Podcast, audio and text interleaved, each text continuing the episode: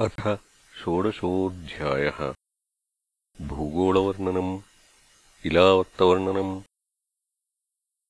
राजोवाच, उक्तस्त्वया भूमण्डलायामविशेषो यावदादित्यस्तपति, यत्र चासौ ज्योतिषाम् गणैश्चन्द्रमा वा सह दृश्यते.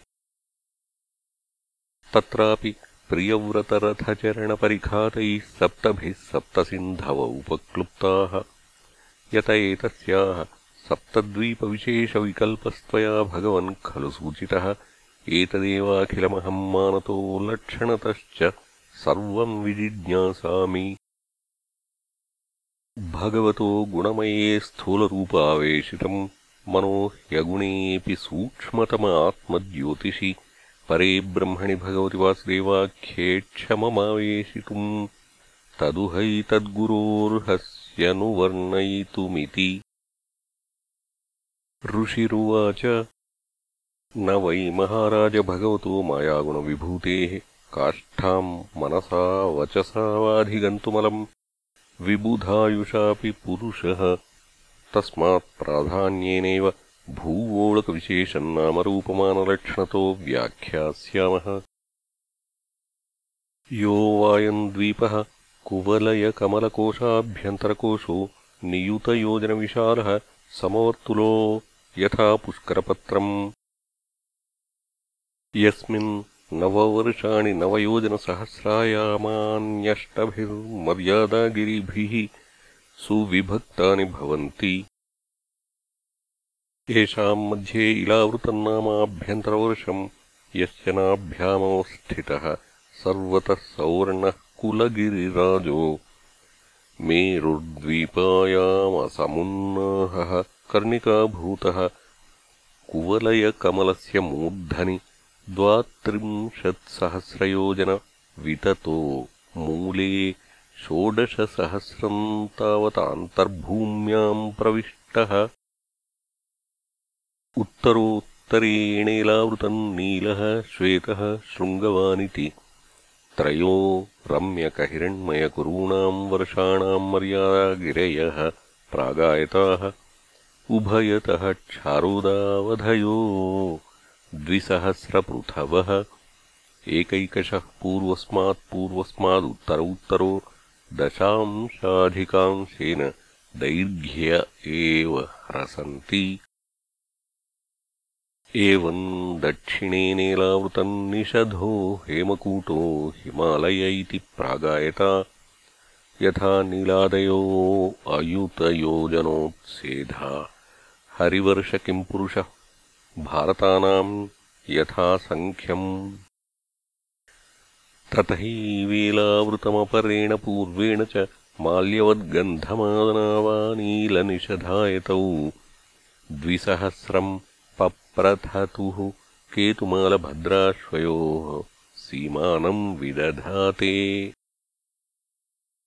मन्दरो मेरुमन्दरः सुपार्श्वः कुमुदः इत्ययुतयोजनविस्तारोन्नहाः। मेरोश्चतुर्दिशमवष्टम्भगिरय उपक्लुप्ताः। चतुर्श्वेतेषु सूत जम्बू कदम्ब न्यग्रोधाश्चत्वारः पादपप्रवराः पर्वतकेतव इवाधिसहस्रयोजनोन्नाहास्तावद्विटपविततयः शतयोजनपरिणाहाः ह्रदाश्चत्वारः पयोमध्विक्षुरस मृष्टजलाः यदुपस्पर्शिन उपदेवगणा योगैश्वर्याणि स्वाभाविकानि भरतर्षभधारयन्ति। देवोद्यानानि च भवन्ति चत्वारि नन्दनम् चरित्ररथम् वैभ्राजिकम् सर्वतो भद्रमिति।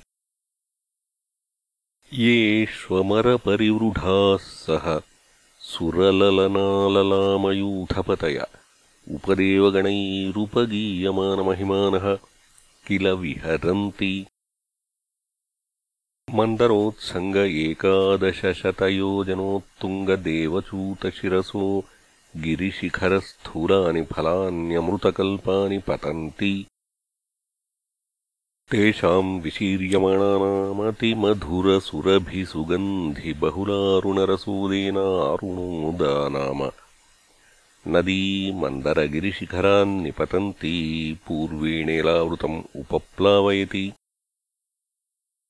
यदुपजोषणाद्भवान्यानुचरीणाम् पुण्यजनवधूनामवयवस्पर्शसुगन्धवातो दशयोजनम् समन्तादनुवासयति। एवम् जम्बूफलानाम् अति उच्चनिपातविशीर्णानाम् अनस्थिप्रायाणाम् इभकायनिभानाम् रसेन। जम्बूनामनदी मेरुमन्दरशिखरात् अयुतयोजनात् अवनीतले निपतन्ती दक्षिणेनात्मानम् यावदिलावृतम् उपस्यन्दयति तावदुभयोरपि रोधसौर्यामृत्तिका तद्रसेनानुविध्यमाना वायुवर्कसंयोगविपाकेन सदामरलोकाभरणम् जाम्बूनदन्नाम सुवर्णम् भवति यदुहवावविबुधादयः सह युवतिभिर्मकुटकटककटिसूत्राद्याभरणरूपेण खलु धारयन्ति। यस्तु महाकदम्बः सुपार्श्वनिरूढः यास्तस्य कोटरेभ्यो विनिःसृताः। पञ्चायामपरीणाहाः पञ्चमधुधाराः सुपार्श्वशिखरात्पतञ्चोपरेणात्मानमिलावृतम् अनुमोदयन्ति। या ह्युपयुञ्जानानाम् मुखनिर्वासितो वायुः समन्ताच्छतयोजनमनुवासयति। एवम् कुमुदनिरूढो यः शतवल्शो नामवटः तस्य स्कन्धेभ्यो नीचीनाः पयोदधिमधुघृतगुडान्नाद्यम्बरशय्यासन आभरणादयः सर्व एव कामदुघानदाः कुमुदाग्रात् पतन्तस्तमुत्तरेण इलावृतम् उपयोजयन्ति यानुपजुषाणानाम् न कदाचिदपि प्रजानाम् वलीपलितक्लमस्वेद दौर्गन्ध्यजरामयमृत्युशीतोष्ण वैवर्ण्योपसर्गादयस्तापविशेषा भवन्ति यावज्जीवम् सुखम् निरतिशयमेव। कुरङ्गकुररकुसुम्भवैकङ्कत्रिकूटशिशिरपतङ्गरुचकनिषध शिनीवासकपिलशङ्खवैडूर्यजारुधि हंसर्षभनागकालाञ्जर नारदादयो विंशतिगिरयो मेरोः कर्णिकायाहैव केसरभूता मूलदेशे परित उपक्लुप्ताः जठरदेवकूटौ मेरुम् पूर्वेणाष्टादशयोजनसहस्रमुदगायतौ द्विसहस्रम् पृथुतुङ्गौ भवतः। एवमपरेण पवनपारियात्रौ दक्षिणेन कैलासकरवीरौ प्रागायतौ एवमुत्तरस्त्रिशृङ्गमकरौ अष्टभिरेतैः परिस्तृतो अग्निरिव परितश्चकास्ति काञ्चनगिरिः। मेरोर्मूर्धनि भगवता आत्मयोनेर्मध्यतः उपक्लुप्ताम् पुरीमयुतयोजनसाहस्रीम् समचतुरस्राम् शातकौम्भीम् वदन्ति तामनुपरितो लोकपालानामष्टानाम् यथादिशम् यथारूपम् तुरीयमानेन पुरोष्टा उपक्लुप्ताः। इति श्रीमद्भागवते महापुराणे पारमहंस्याम् संहितायाम् पञ्चमस्कन्धे षोडशोऽध्यायः